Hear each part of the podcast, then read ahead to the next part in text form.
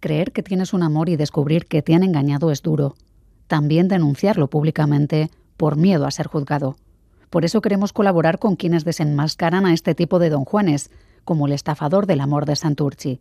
Seguimos sus huellas, pero también las que la científica encuentra en el escenario de un crimen. Seguimos el trabajo de un podólogo forense que nos mostrará que una huella no solo dice qué número de pie calzamos, muestra nuestra forma de caminar y puede que también la forma que tenemos de hacer frente a la realidad que nos rodea sea buena o mala. Soy Miriam Duque, la encargada de abriros esta Gambara Negra, un podcast de crónica negra en el que hacemos que ciencia, especialistas y pruebas hablen más que nosotros para recomponer la actualidad y tratar de entender la mente de quienes se escoran al lado oscuro. 21 meses de cárcel para el denominado estafador del amor de Santurchi se hacía pasar por un empresario de éxito con importantes contactos en México y Emiratos Árabes en redes sociales, pero la audiencia de Guipúzcoa considera probado que mediante engaños logró que la víctima, residente en Guipúzcoa, realizase numerosas operaciones a su favor, desde transferencias bancarias a compras de billetes de avión o teléfonos de alta gama. Ella creía que prestaba dinero, aproximadamente 30.000 euros, a su pareja sentimental. El condenado aseguraba en sala que había sido un tema meramente empresarial, pero no han creído su versión de los hechos, calificándola de exposición pueril, en la que el condenado fue incapaz de presentar ningún tipo de documentación. Deberá devolver el dinero estafado y asumir una condena de un año y nueve meses de prisión. José Antonio Tuero es el abogado de la víctima. ¿Satisfechos con la condena? Bueno, no nos parece, no nos parece mal del todo. Lo que pasa, nosotros solicitábamos no solo por dos delitos de estafa, sino también por unas eh, amenazas eh, en el ámbito, además, de una relación de pareja. Eh, tanto el fiscal como nosotros, como acusación particular, solicitábamos 12 años de cárcel. El hecho de que una de las víctimas no haya comparecido, pues evidentemente ha impedido que el tribunal pudiese valorar su versión de los hechos y, por tanto, tener que eh, aceptar la dada por, por el acusado, que pese a darla por buena, la tilda de pueril y de increíble. José Antonio, ¿cómo fue la declaración o la sensación que, os fue quedando cuando, cuando él mostraba su situación en el juicio? Porque él siempre ha defendido que, era una relación empresarial y que esos gastos nunca estuvieron relacionados con una relación amorosa, sino que era una suerte de relación empresarial. La propia sentencia contempla su declaración, su descargo, como algo pueril, como algo absolutamente increíble, eh, fuera de toda lógica y de toda razón, porque incurre en, múltiples contradicciones de, con respecto a lo que declaró en fase de instrucción, con lo que luego manifiesta en el, en el acto del juicio, y además eh, no aporta en ni un solo documento, pese a que dijo y ha reiterado que tenía infinidad de documentos acreditativos de esa relación mercantil, pero no ha aportado ninguno. Entonces el tribunal, eh, vamos, desecha totalmente su descargo y, por eso evidentemente le condena, por dar mayor credibilidad al testimonio que realiza una de las víctimas, la víctima que sí comparece, y, vamos, dice que es una, una, declaración persistente, que es una declaración creíble, que es una declaración que se sustenta también documentalmente por todas las eh, disposiciones patrimoniales que realiza en favor de este señor, que además son disposiciones patrimoniales que él destina a cuestiones que nada tienen que ver con el, con, con el desarrollo de una actividad mercantil. Ante esta sentencia, ¿cómo, ¿cómo se encuentra la víctima? No sé si se ha llegado a tranquilizar, si cree que así podrá rehacer su vida o sigue teniendo miedo a lo que pueda llegar a pasar. Bueno, evidentemente es una, una sentencia que le, que le ha satisfecho en cierta manera, vamos, bastante, porque eh, ha visto refrendado por los tribunales lo que ya ha venido, lo que hemos venido sosteniendo desde el principio del, del inicio de, de la causa y que efectivamente pues ha sido objeto, ha sido víctima de lo que se denomina comúnmente como un estafador del amor, que es este, este individuo. ¿Se sabe cuánto dinero llegó a estafar a, tu cliente? Pues sí, de hecho la propia sentencia ya contempla en la eh, como responsabilidad civil, que son la, cantidad de, de 28.500 euros, que son los que eh, le, le, quitó, le trajo a, esta víctima. Eh, a la otra víctima también una cantidad similar, pero que no, que como no compareció al acto de la vista, pues no, no se ha podido, no se ha podido obtener se condena a ese respecto.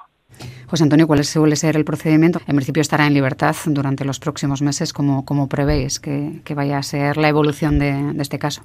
Hombre, yo imagino, la, esto, es, esto es una sentencia que no es firme porque cabe contra ella recurso de apelación ante el Tribunal Superior de Justicia. Eh, yo creo que el acusado evidentemente recurrirá esta sentencia y por tanto es un poco prematuro decir qué, puede ocurrir. Eh, en cualquier caso, mm, como digo, creo que, el acusado interpondrá recurso de apelación y, tendremos que esperar a ver qué se resuelve por la superioridad. No sé si la víctima se mantiene con, entereza, si tiene miedo a los próximos meses, si hay miedo a decir su nombre hasta que la sentencia no, sea en firme, porque a veces este tipo de cuestiones se denuncian con nombre y apellido para evitar que otras mujeres o otros hombres caigan en, bueno, pues en las garras de un estafador del amor y no siempre se dice el nombre por un miedo precisamente a que se entre en un bucle o en una espiral de, de demandas. Efectivamente, además es que así ha sido, así ha sido. Eh, en el momento en el que eh, una persona como en este caso el condenado ve cualquier resquicio y puede ejercitar eh, su derecho a, interponer denuncias, a interponer demandas, no lo duda y, por eso nosotros queremos ser muy, cautos y no mencionar nombres ni de víctimas ni, ni del propio ni del propio condenado, porque para precisamente para evitar excitar su celo eh, y, que, y que entremos en esa espiral que mencionas de, de denuncias, demandas, etcétera. ¿Tenéis alguna estimación de si hay otras denuncias respecto a esta misma persona? Respecto a esta misma persona, nosotros tenemos conocimiento de que hay más mujeres víctimas de él. Lo que pasa que por una razón o por otra, pues o no han querido o no han podido mm, denunciar, valga eh, la propia víctima que no pudo comparecer al acto del juicio, no pudo, no pudo, no quiso, no sabemos muy bien eh, por qué no, pero, pero efectivamente hay, hay más, hay bastantes más. José Antonio, pues muchísimas gracias por atendernos y bueno, pues esperaremos a esa sentencia en firme o a saber si, esta persona recurre, como, como parece, para tratar de evitar en lo posible cumplir esos 21 meses por estafa, que es una condena bastante amplia, aunque claro, no es comparable a esos 12, 12 años que, pedíais, ¿verdad?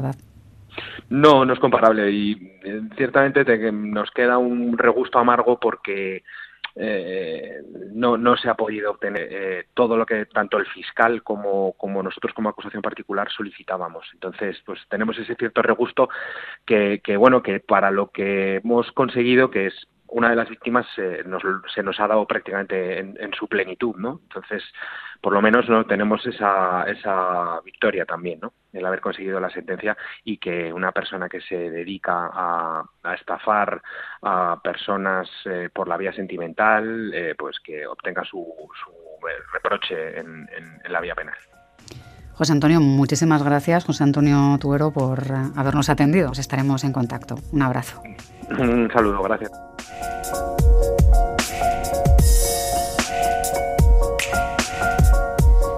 Alberto Gredilla es experto universitario en análisis de la conducta criminal, es experto en criminología y criminalística. ¿Qué tal, Alberto? ¿Cómo estás? Hola, Miriam, muy bien, gracias. Pues encantado de volver a colaborar con vosotros aquí en Gambara. Bueno, me alegra que te alegre y, claro, tenemos muchas cosas de las que hablar en los próximos minutos, pero estamos hablando del estafador del amor de Santurchi, condenado, se hacía llamar en redes Sheikh Khalifa y decía ser un empresario de alto standing. ¿Este tipo de personas eh, se construyen su propio personaje?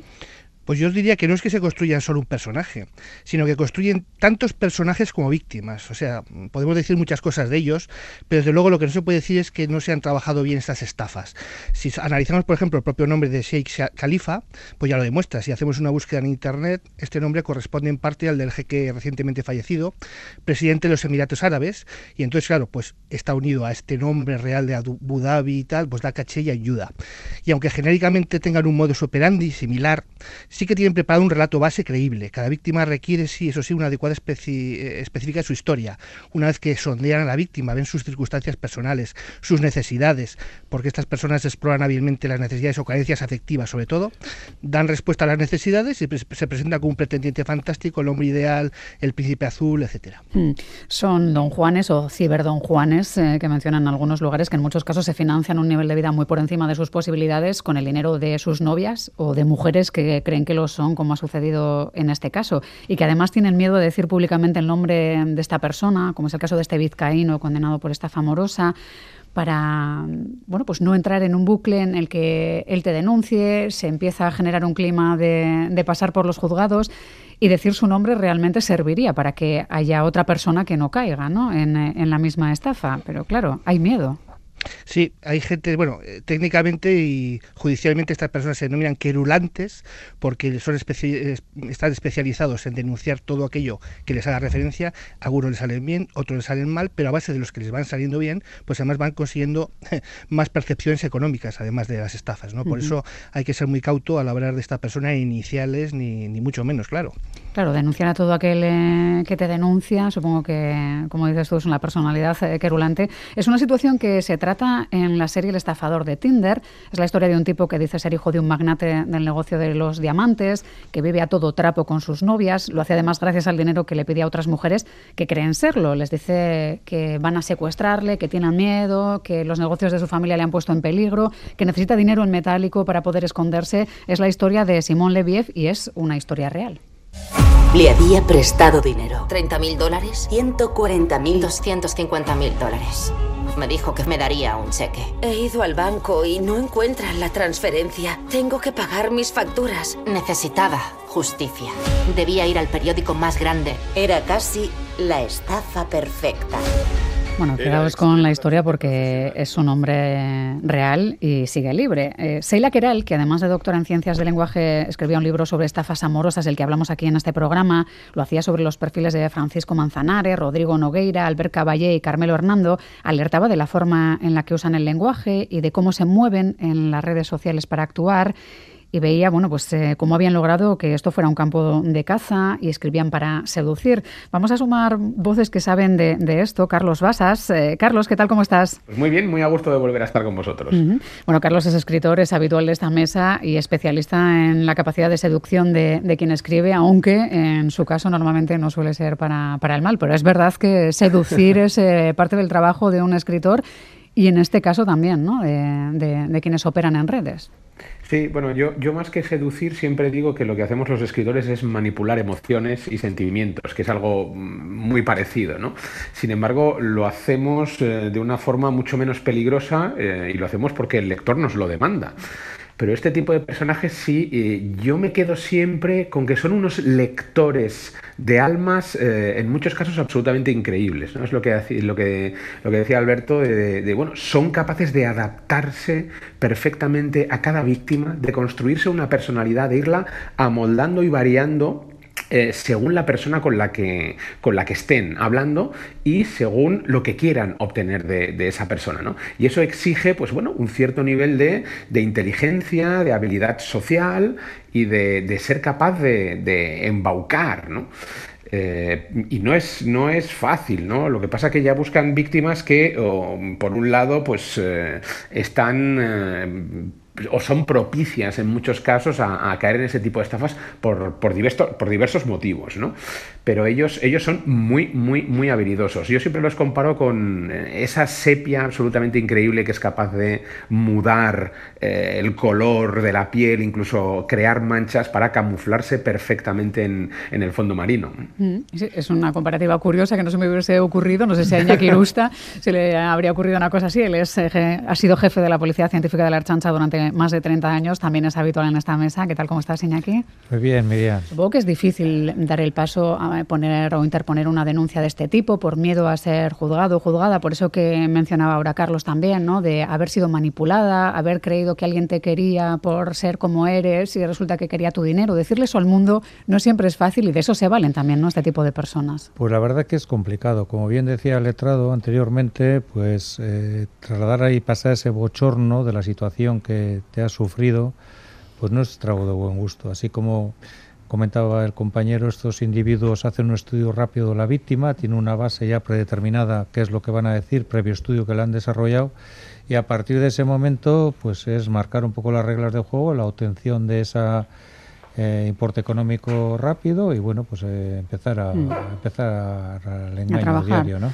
claro eh, me imagino que el escenario del supuesto crimen en una situación así sería más la cartilla bancaria que, un escenario físico no pero también hay que trabajar ahí esos movimientos económicos ¿no? sí también ha estado comentando el que efectivamente la cartilla bancaria pero no solamente la cartilla bancaria ha habido movimientos de teléfonos ha habido remisiones de informaciones es decir hoy en día se trabajan en varios frentes y a partir de esos movimientos se observa rápidamente a dónde han ido destinados estos dineros y cuál ha sido el fin y, como se ha visto y se ha determinado, pues no tiene nada que ver con, con el objeto de, mm que le había cometido, le había comentado en este caso la víctima. Que no era amor, que era un negocio, ¿no? Y normalmente todo, todo salta por los aires cuando se acaba el dinero, cuando la persona que quiere tener una relación no tiene más dinero que prestar y ahí se acaba todo. Se nos nubla la vista del amor y no mm. nos damos cuenta del juego soterrado que está realizando en este caso el experto en la materia. Nos vamos a trasladar enseguida a sus quedas, eh, pero Alberto, brevemente sí me gustaría preguntarte. Está claro que este tipo de perfiles son personas muy manipuladoras, eh, pueden llegar a ser muy peligrosas.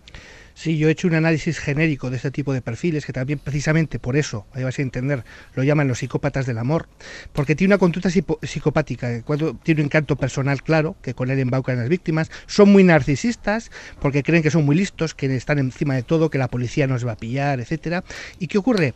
Pues que se nota sobre todo lo que decimos, su absoluta falta de empatía y de eh, saben lo que van a hacer. Ellos son conscientes del daño que van a causar. De hecho, van orientando hacia su propio beneficio, pero es que les da absolutamente igual. Tú eres un herramienta, eres una absolutamente un objeto de uso para tu beneficio. ¿Y qué ocurre? Pues la primera fase es de enamoramiento. Soy el príncipe ideal, te quiero, te adoro, te voy dando las palabras aduladoras hasta enamorarla. Pero en cuanto surge la duda, en cuanto la mujer se puede estar dando cuenta que la están engañando, entonces entra la fase B amenazas, extorsiones, incluso si había alguna fotografía de alto contenido erótico entre ellos como supuestas parejas, la puede utilizar para extorsionarte. En este mismo juicio ha salido a la luz pública amenazas claras y textuales que se dijeron sobre, un, sobre él una vez que ella se había dado cuenta de la situación, mm, amenazas directas, te voy a matar, etcétera, que le dijo esta persona a la víctima, con lo cual ha pasado de ser el encantador amante a un terrible psicópata que te persigue.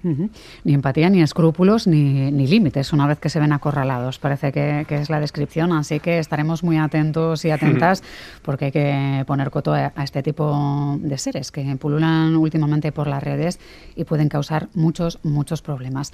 Ahora sí nos vamos a Susquedas, donde el pantano en el que aparecieron los cuerpos de dos jóvenes asesinados sigue bajando su nivel, va perdiendo caudal y mostrando otros ecos.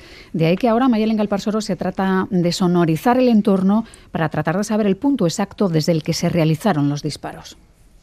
Un escenario del crimen que aparece y desaparece bajo el agua, sin arma homicida, sin testigos y con el único sospechoso en libertad. Cinco años después del crimen del pantano de Susqueda, la policía sigue investigando quién mató a Mark y Paula.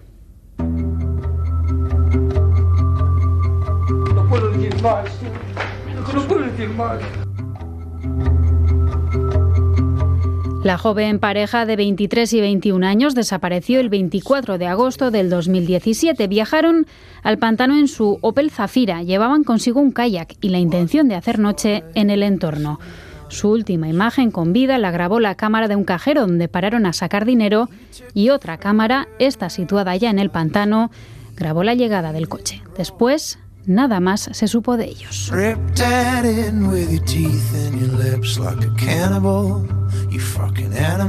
Hay tres puntos clave que marcaron el inicio de la investigación. Tras la denuncia de la familia, a los tres días se encontró el kayak en una especie de embarcadero, a la deriva. Un día más tarde, el coche, en otra parte del pantano, hundido a siete metros de profundidad y con una piedra en el acelerador. Y un mes después de su desaparición, la sequía sacó a flote los cuerpos. Primero el de ella, desnudo y con un disparo en la cabeza, Horas más tarde, el de él, también sin ropa, con heridas y golpes atado a una mochila llena de piedras.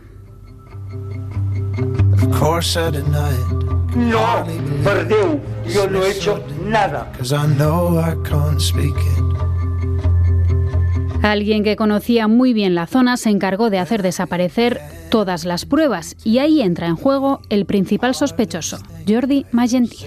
Señor, yo no saqué la vida de esa pobre gente, no la saqué. Si lo hubiera sacado, se lo juro por Dios que yo le hubiera dado la dicho, pero no lo he hecho. Así se defendía ante el juez tras ser detenido. Su teléfono le situaba en la zona y él mismo admitió que se encontraba pescando en el pantano la mañana en la que Mark y Paula fueron asesinados. Y otro detalle a tener en cuenta, Magentí ya había estado en la cárcel por matar a su exmujer con una escopeta.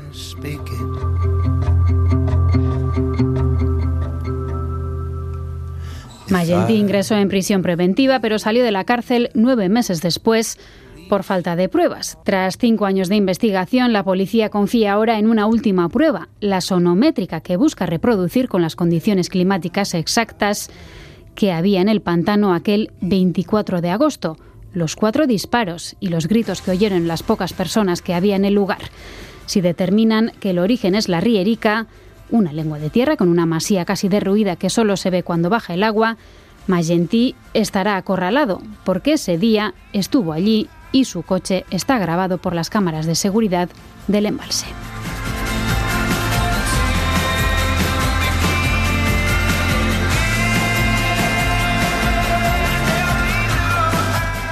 Cinco años después se buscan respuestas al asesinato de Paula y de Mark. Iñaki, este tipo de cosas se han producido en tus años al frente de, la científica que fuera necesario saber por el sonido, el lugar exacto en el que se produjo un asesinato o un crimen, comprobar esa reverberación. Pues la verdad es que no, y ya he tenido unos cuantos. Mm. Y, no, no, no me suena, no me suena. En este caso, pues me imagino que eh, habrán abordado todas las líneas de investigación posibles, ubicación de teléfono, el tema del arma, para llegar al extremo de tener que realizar este tipo de estudios.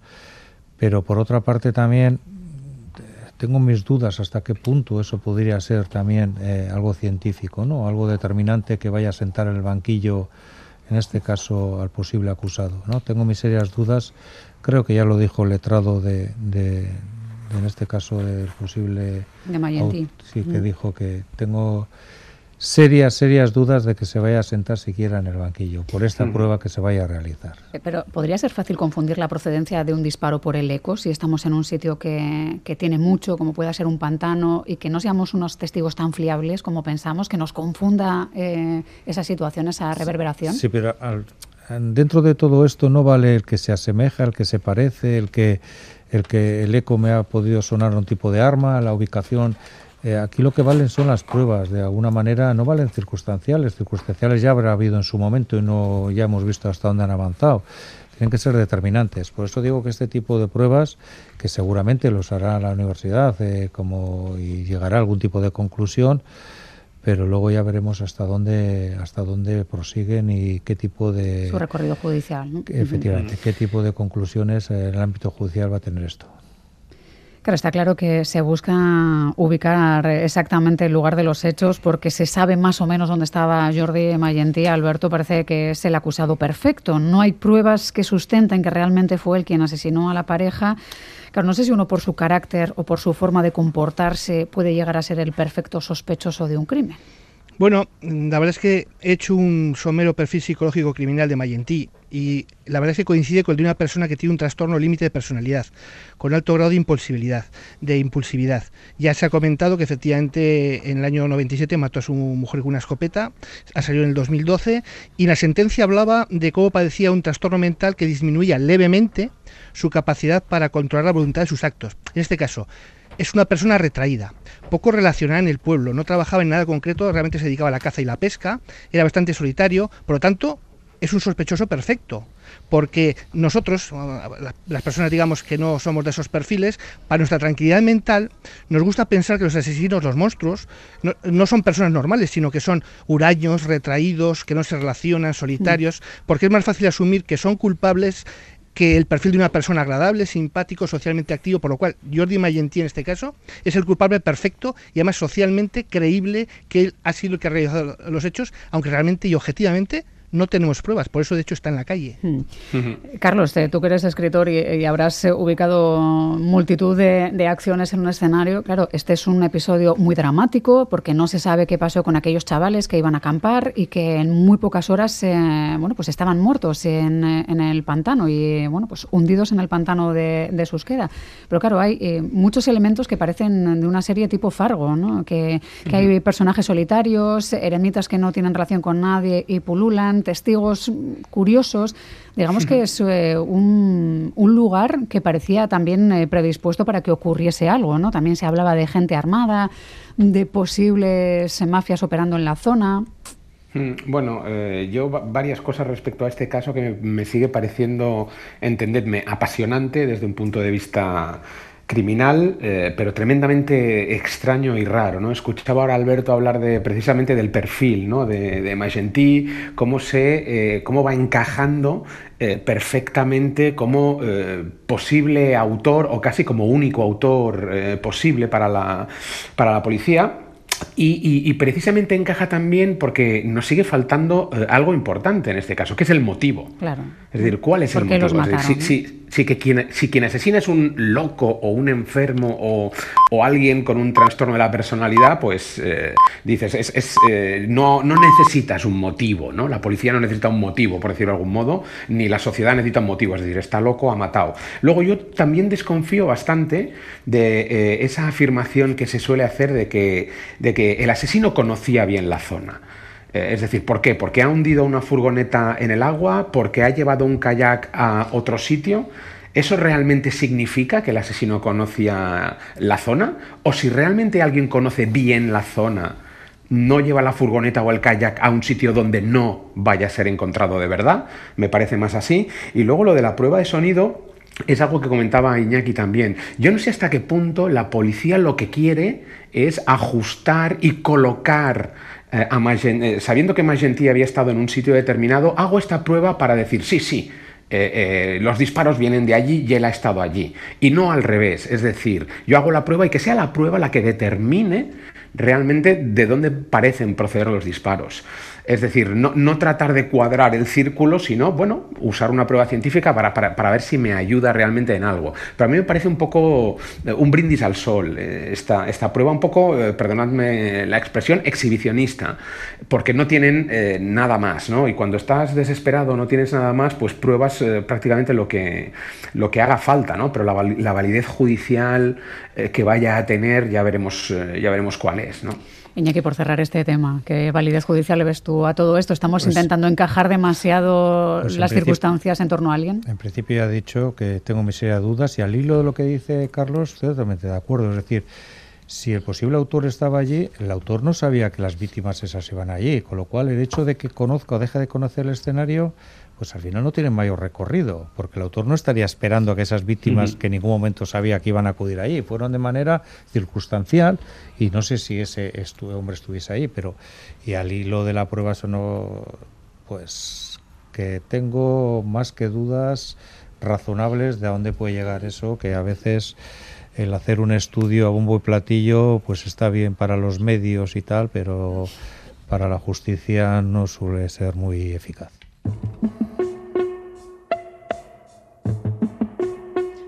Can't stand the rain against my window, bringing back sweet memories. Yeah, when the rain,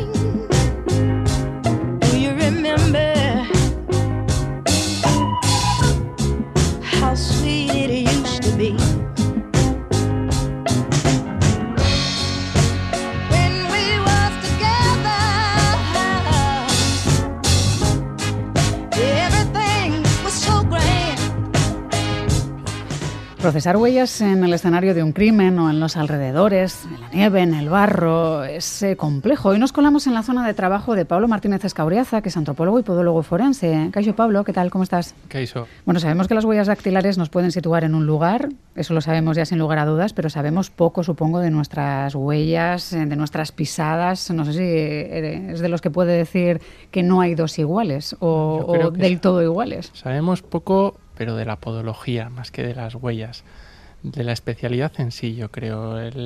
la figura del podólogo como, como sanitario en el ámbito privado y no tan extendido en el público, eh, las capacidades facultativas a las que puede eh, llegar, ¿no? a abarcar. Entre ellas, como no, la podología forense. Y una de esas ramas, eh, la lofoscopia, a nivel de huellas, como bien dices, eh, cuánta información nos pueden dar, no solo las huellas dactilares de la mano, sino las del pie. Eh, estamos hablando de permatoscopia, de huellas plantares, no solo de pie desnudo, sino también de pie calzado. No sé si es posible ver si una persona cojea, si tiene algún tipo de problema, si lleva más peso del habitual. No sé si ese tipo de cosas en un estudio profundo se pueden llegar a saber. Sin duda, eh, siempre hay que ser cauto, precavido y mirar todo muy cuidadosamente, pero en nuestra rama profesional, eh, una de las disciplinas que practicamos a diario en nuestras clínicas, en nuestras consultas con los pacientes es la biomecánica, el, el, estudio de la marcha y de la carrera del ser humano tanto en estática como en dinámica y esto interfiere mucho sobre todo a la hora de elegir eh, diferentes tratamientos a nivel ortopodológico debido a las diferentes patologías que se pueden sufrir eh, las personas a nivel adquirido o congénito. Y entre ellas pues pueden estar cojeras o diferentes eh, morfopatologías o anatómicas del pie o de la extremidad inferior que pueden alterar la marcha del ser humano. Pablo, tú has trabajado y te has formado en parte en Estados Unidos. Supongo que ahí es más habitual que bueno, pues alguien como es tu caso forme parte de una investigación. No sé si, si aquí poco a poco esa sería la idea, que se fuese tendiendo en esa dirección. Enseguida se lo pregunto también a Iñaki y a Alberto, a ver cómo lo ven. Bueno, actualmente pues eh, la figura del podólogo forense eh, a raíz de este aproximadamente 2015-2017 ha ido cogiendo más fuerza en España, ya en el ámbito podológico, también muy desconocido dentro del propio cuerpo facultativo se ha ido haciendo eco a través de los diferentes congresos nacionales y se ha ido dando difusión poco a poco a través de a nivel social, ¿no? a través de los medios. Es, cierto que en Estados Unidos la, la metodología de trabajo de los homólogos podiatras forenses, allí son médicos podiatras, aquí somos podólogos, eh, la metodología de trabajo es la de trabajar en equipo. El, odontólogo forense, el antropólogo forense, el podólogo podiatra forense con el, con el cuerpo de criminalística a nivel policial en diferentes estados. Y aquí en España, a, nivel estatal, hablando, eh, actualmente ejercemos los podólogos en calidad de peritos, pero no hay un vínculo directo, más directo que este, que el, eh, que el colaborar dando una información extra sin poder llegar a participar en lo que es la inspección ocular o recabida de, de evidencias y de información. Iñaki, ¿lo ves viable? ¿Un futuro a, medio plazo que se amplíen en, profesionales de diferente índole? espero que sí. Además, era una de las, eh, digamos, eh, metas que yo siempre tenía, el trabajo en colaboración de los médicos forenses con la policía científica y con los grupos de investigación porque la aportación, digamos, cada uno en la actividad que desarrolla en su ámbito, la suma de toda esa información hará que se resuelvan los casos. Muchas veces nos tenemos que abstraer un poquito a los puritos personales. En su día ya por parte de la chancha ya se trabajaba en colaboración con médicos forenses, luego se dejó, pero tenemos que darnos cuenta que la policía científica, el grupo de investigación, tiene una información de un escenario más las técnicas que van utilizando el laboratorio, más el poder aprovechar de ese laboratorio con unos tiempos de respuesta. Y por otra parte tenemos a los médicos forenses, que su laboratorio de referencia en este caso a nivel de, Euskadi es Madrid, pues hacerles eh, hincapié que de alguna manera hay un laboratorio como ese de la Policía Científica. Y cruzar bases de datos, ¿no? Ahí, ahí va, con el tema de cruzar las bases de datos que en la Archancha lo hacemos de manera, digamos, eh, continua y que los resultados de las analíticas también serían mucho más breves que lo que de otra forma se realizan. Si me permitís, vamos a hacer eh, una parada en Almonte para hablar de un caso práctico en el que Pablo trabajó como perito durante el juicio. En ese caso, tras cerrar las investigaciones, la UCO ratificaba que en el caso del crimen de Almonte se había producido un crimen pasional, que el homicida debía ser un varón de entre 30 y 40 años con rencor contra las víctimas, un padre y una hija, las que veía como un obstáculo en sus planes de futuro. María y su padre recibieron más de 150 cuchilladas. Sucedía el 27 de abril de 2013, mientras fuera el pueblo celebraba el paso de la Virgen del Rocío. Los cuerpos de María y Miguel Ángel no se encontraron hasta dos días después. Todo apunta hacia alguien de su entorno y de sus huellas. Vamos a hablar hoy. En ninguna de las huellas estaba impresa la parte del talón de las zapatillas de deporte que llevaba el autor de los crímenes. El podólogo explicó que era debido a que había utilizado unas zapatillas más grandes que el número de su pie para cometer el asesinato. Martínez Escauriaza concluye que con las imágenes que existen de la persona que estuvo inculpada, se puede deducir que apoya más el lateral externo del pie, lo que se repite en la escena del crimen. La madre y expareja de los asesinados se derrumbaba ante el tribunal asesinan a mi hija y a mi marido, pues un auténtico calvario, no tengo vida, tengo ilusiones.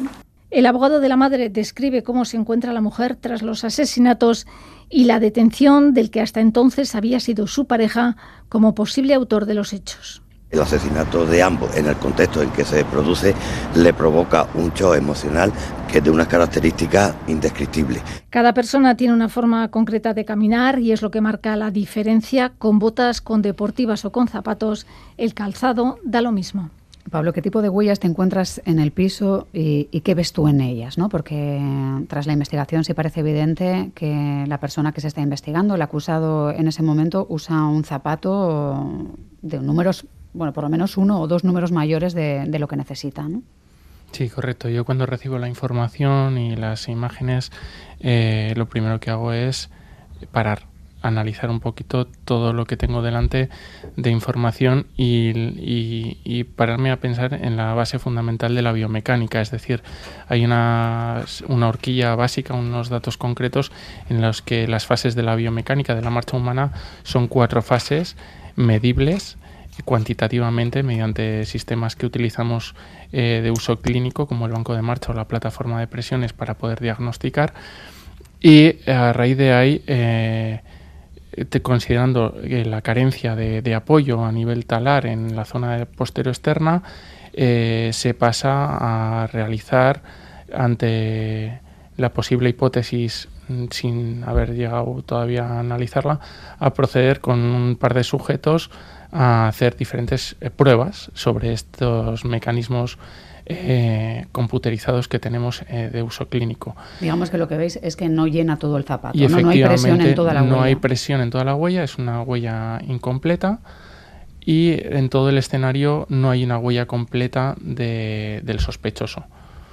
Cuando tienes eh, huellas de, esta clase, se lo pregunto también a, a, Iñaki por otras ocasiones, ¿hace falta imagen para cuadrarla, para cruzar los datos, ver vídeos por ejemplo, de cámaras de seguridad para saber cómo se mueve, para ver si concuerdan los movimientos de ese cuerpo, una cojera que puede ser real o, falseada, con las huellas que, quedan impresas, la, presión? Sin duda, sí siempre complementa mucho más esta información. tenemos que tener en cuenta además que las huellas de pisada, a diferencia de las huellas dactilares y el ADN, que individualiza a un individuo, las huellas de pisada, lo que podemos decir es que esa huella estaba en el escenario. A no ser que le pillemos al infragante al individuo, porque los calzados al final pueden ser intercambiables con cualquier tipo de individuo que va a cometer un hecho, ¿no? Y efectivamente lo que tenemos que hacer es eh, ese estudio que bien está comentando Pablo. No sé si en, tu carrera tienes el recuerdo de algún momento en el que hayamos eh, analizado huellas eh, de, la escena y que os haya obligado también a, bueno, pues a analizarlas, no sé si, si, en sangre, en el lugar de los hechos, en barro o con... Muchos casos, muchos casos, eh, como bien dices, desde huellas en sangre en pisadas por cometer un hecho criminal, eh, asimismo, cuando se comete un hecho criminal, huellas de pisadas, que tiene otra técnica para hacer los levantamientos a través de los moldes. O sea, hemos tenido en hechos criminales eh, múltiples casos resueltos a través de lo que son las huellas de calzado. Claro, hay que interpretar huellas en diferentes eh, espacios. es más difícil analizar un, escenario en barro, por ejemplo, o en una época muy lluviosa. Bueno, es más difícil. Lo que se trata es de ser eh, minucioso y observador y ver eh, qué es lo que estamos localizando. ¿no? Si vemos que es un escenario en el cual hay múltiples huellas de pisada y, como bien estás comentando, en tema de barro, pues tendríamos que ver las direcciones, los diferentes tipos de huellas de calzado, cuáles interesa, qué gente caminaba, qué, hay, que hacer un estudio muy pormenorizado de las mismas, ¿no? Luego, a partir de todas las que vayamos seleccionando y obteniendo, ya habrá tiempo para descartar y para decir esta sí o esta no, ¿no? O sea, que llueva o nieve, hay que mantener el trabajo en el escenario del crimen eh, minuciosamente, ¿no? Efectivamente, efectivamente, llueva, nieve o, o incluso en un escenario que a simple vista no observamos nada, eh, como podría ser un suelo limpio. ¿eh? Lo que hacemos es oscurecer el mismo a través de unas fuentes de luz oblicuas 35 grados aproximadamente, pues se observan esas huellas de calzado, las cuales previamente fotografiamos y luego procedemos a través de la fuerza electrostática a levantar mediante moldes o gelatinas. ¿eh?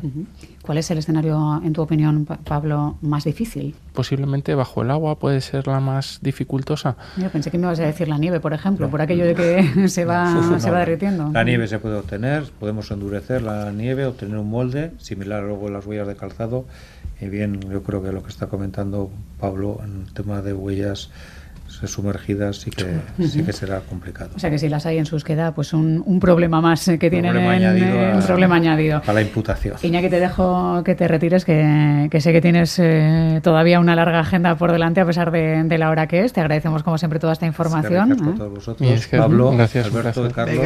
y hasta la próxima. saludos. Alberto, por cierto, eh, estamos hablando de, de, un caso, el de Almonte, que, que bueno, pues hay bastantes eh, variantes, no solo el asunto de las huellas, sino que, bueno, pues tal vez, luego nos dirá Pablo si él cree que es así o no, trató de confundir y de despistar a la policía utilizando un calzado diferente. No sé si se movió de forma distinta, pero sí es verdad que más de 150 puñaladas o cuchilladas hablan ya de, de, un ataque que muestra mucho de la personalidad del agresor, ¿no? Se hablaba de un crimen pasional. Sí, al final la forma en que alguien prepara un ataque, un crimen, es cierto, como dices, que habla mucho de su personalidad. Aquí ha habido un debate muy de hace mucho tiempo entre los estudiosos universitarios que habla de delincuentes organizados o desorganizados. Fue unos patrones que el FBI en el año 2000-2010 emitió en su unidad de análisis de conducta, pero que hoy en día están superados. Quizás hoy sería más correcto hablar de delincuentes impulsivos o delincuentes planificadores, porque claro, los impulsivos encajan exactamente con los psicóticos o los sociópatas que cometen el delito por un impulso, igual lo van haciendo sobre la marcha, en cambio alguien que es un poco más psicópata en ese sentido lo planifica, pero no solamente planifica, sino dice mucho su conducta, su inteligencia, todo aquello. Han hablado del crimen en Almonte, pues precisamente la utilización de un calzado que no es suyo ni es su número, ya dice que ya se las ha ingeniado incluso para pisar de una forma diferente, para planificar el crimen. Manera que en tanto en cuanto se tenga más en cuenta cómo resolver estos imprevistos que te pueden surgir en la evolución del crimen, pues el crimen está más elaborado. Muchas veces no pensamos en ello, ¿vale? Si preparas, planificas cómo entras en la casa tal, pero hay que tener en cuenta que cuando se planifica un delito, se planifica un crimen o un evento de estas características, si la persona es eh, medianamente inteligente, va a pensar lo que se llama, y es muy importante, que algún día igual podríamos hablar con más tiempo, que es la conciencia forense. La conciencia forense, ya me dirá Pablo, que también sabe mucho de esto, eh, la conciencia forense ni más ni menos es que los delincuentes, no sé si por culpa de las series de televisión, por culpa de toda la información que pulula por todas partes, saben lo que los investigadores van a buscar en la escena del crimen. Y dice, caray, en este caso, si van a buscar las huellas de calzado, como bien ha dicho Iñaki, que es una de las herramientas últimamente potentes para resolver ciertos crímenes, como yo sé que van a utilizar huellas o van a buscar mi huella de calzado, compro un calzado de un solo uso y luego lo tiro. Esto hasta hace poco tiempo era impensable. O me voy a llevar unos guantes de repuesto por si durante la ejecución se me rompen estos. Toda esa planificación del crimen, claro que habla mucho de la personalidad de esa persona. Desde luego el impulsivo no le pasará, ¿no? Efectivamente. el segundo par de guantes. O decir, incluso me llevo cinta americana, que parece una tontería, pero todos sabemos que con la cinta americana MacGyver hacía maravillas. Pues un delincuente medianamente serio también con una cinta americana te puede resolver un imprevisto que le surja durante un delito pero para eso hay que haberlo previsto y hay que haberlo y que llevarlo en tu pack de delincuente. Vamos a pasar enseguida basado en hechos reales, eh, pero Pablo, eh, ¿es posible fingir una cojera y que eso sea parte de esa conciencia forense que menciona Alberto? Es posible fingirla, depende del contexto. Siempre durante mucho tiempo, claro, porque igual la finges un ratito, pero luego si sigues andando, Por eso mismo, correctamente. Eh, cuando hay una agresión entre dos sujetos, lo último que se hace es planificar cómo va a caminar o cómo va a responder biomecánicamente el sujeto agresor o, o la víctima, ¿no? Entonces, es, eh, a no ser que sea una patología adquirida o congénita que ya tenga de base, eh, es complicado. Es más fácil eh, lo que comenta el compañero Alberto sobre el efecto CSI, hmm. que, que, pues bueno, pues voy a utilizar un calzado superior de talla superior para despistar. Pues bueno, efectivamente la ciencia con conciencia pues tiene las patas cortas y al final pues también eh, hay especialistas detrás eh, con base científica que verifican que esto pues es, así, que se utiliza un calzado de talla superior. Bueno, pues la ciencia va ayudando a, resolver eh, crímenes y, de eso estamos hablando a lo largo de, estos minutos. Pero también queremos abrir una ventana basado en hechos reales con Carlos Basas, que hoy nos llega en formato libro, algo que bueno pues nos gusta especialmente.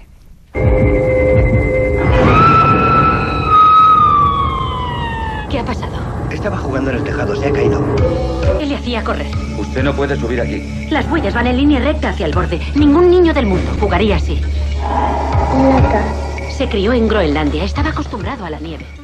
Decía que siempre nos gusta cuando esto llega en formato libro, Carlos. Eh, esta vez es una lectura de la que surge un cierto viento frío. Nos propones investigar huellas en la nieve con la novela La señorita Esmila y su especial percepción de la nieve, aunque estábamos eh, escuchando un fragmento de la película, ah, de la adaptación al cine del año 97, ¿no? que se llamó Esmila, Misterio en la nieve. Ya que tenemos un paisaje nevado, el blanco de la nieve que lo inunda todo, las huellas de un niño en un tejado y alguien que considera que probablemente aquello, Carlos, no fue un accidente.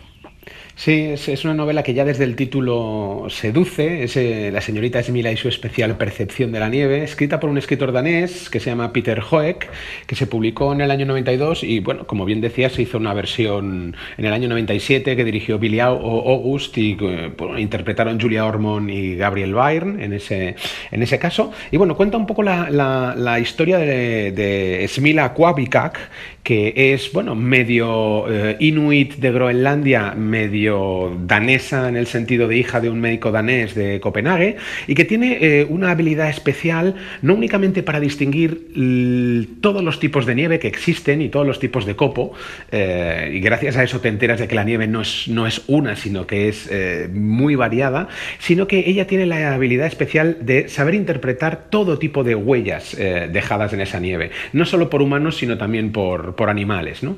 Entonces, la, novela cuenta la historia o arranca así, eh, que es con el suicidio o la muerte o el accidente, no se sabe muy bien en ese, en ese instante, de un niño que es un vecino suyo, cuya madre es alcohólica y cuyo padre, bueno, anda desaparecido y con el que ella ha trabado cierta amistad a lo largo del, del tiempo en ese edificio y un día al volver a casa ese niño se ha precipitado desde la azotea.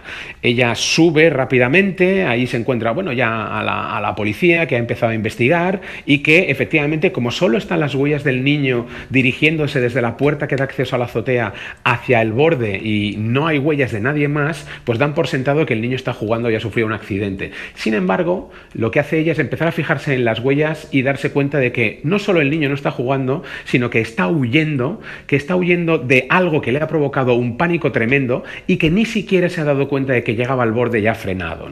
Entonces, bueno, eh, ella empieza a investigar a partir de la interpretación casi mística que es capaz de realizar a partir de esas huellas del niño y va desenterrando eh, una trama que tiene que ver con un suceso oscuro de, un pasado remoto y que la llevará de nuevo a, visitar su infancia y la tierra de su infancia en Groenlandia eh, y que terminará de una manera absolutamente absolutamente mm, fantástica, pero que no voy a revelar. Eso es, no vamos a revelar mucho más, Carlos, porque sí que recomendamos echar un vistazo no solo a, lo que algunos consiguen ver en unas huellas en un tejado, como podría ser Pablo, por ejemplo, sino también bueno, pues a recomendaciones literarias o cinematográficas para, aprender mucho más ¿no? de, lo que nos rodea en esta vida.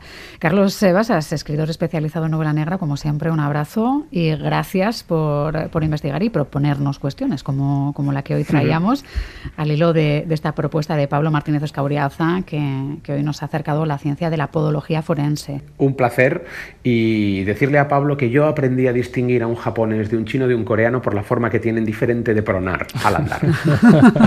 Lo tengo en cuenta. O sea que, uno puede ir por la vida fijándose en muchas cosas, ¿no? Que vamos despistados eh, mirando el móvil demasiado, Pablo, y, resulta que igual eh, tendríamos que estar haciendo análisis y confiando en que Alberto Gredillano nos siga analizando nuestros pasos para ver qué tramamos, ¿eh, Alberto?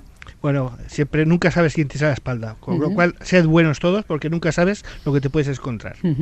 A Pablo Martínez Escabriaza, a Carlos Basas y Alberto Gredilla, un abrazo grande, hasta nuestra próxima cita y cerramos este espacio con música de Marcus Manford, así suena Cannibal y deseamos que os guste el tema y que os haya gustado esta gambara negra. A los tres un abrazo.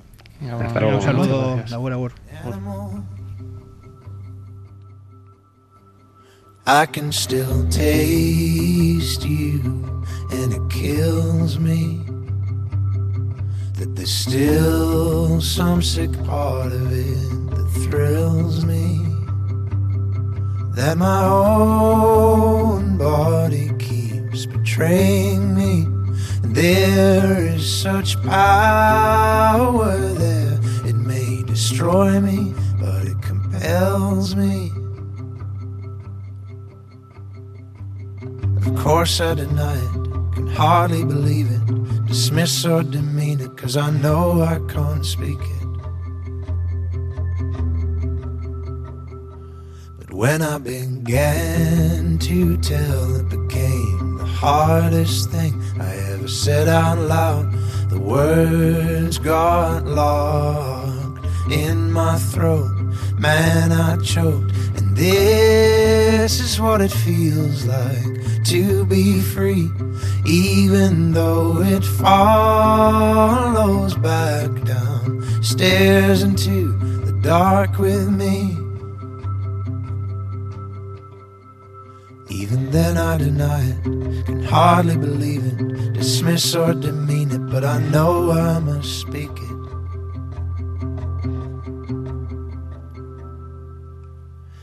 If I could forgive you now, release you from all of the blame, I know how. If I could forgive you now, as if saying the words will help me know how to begin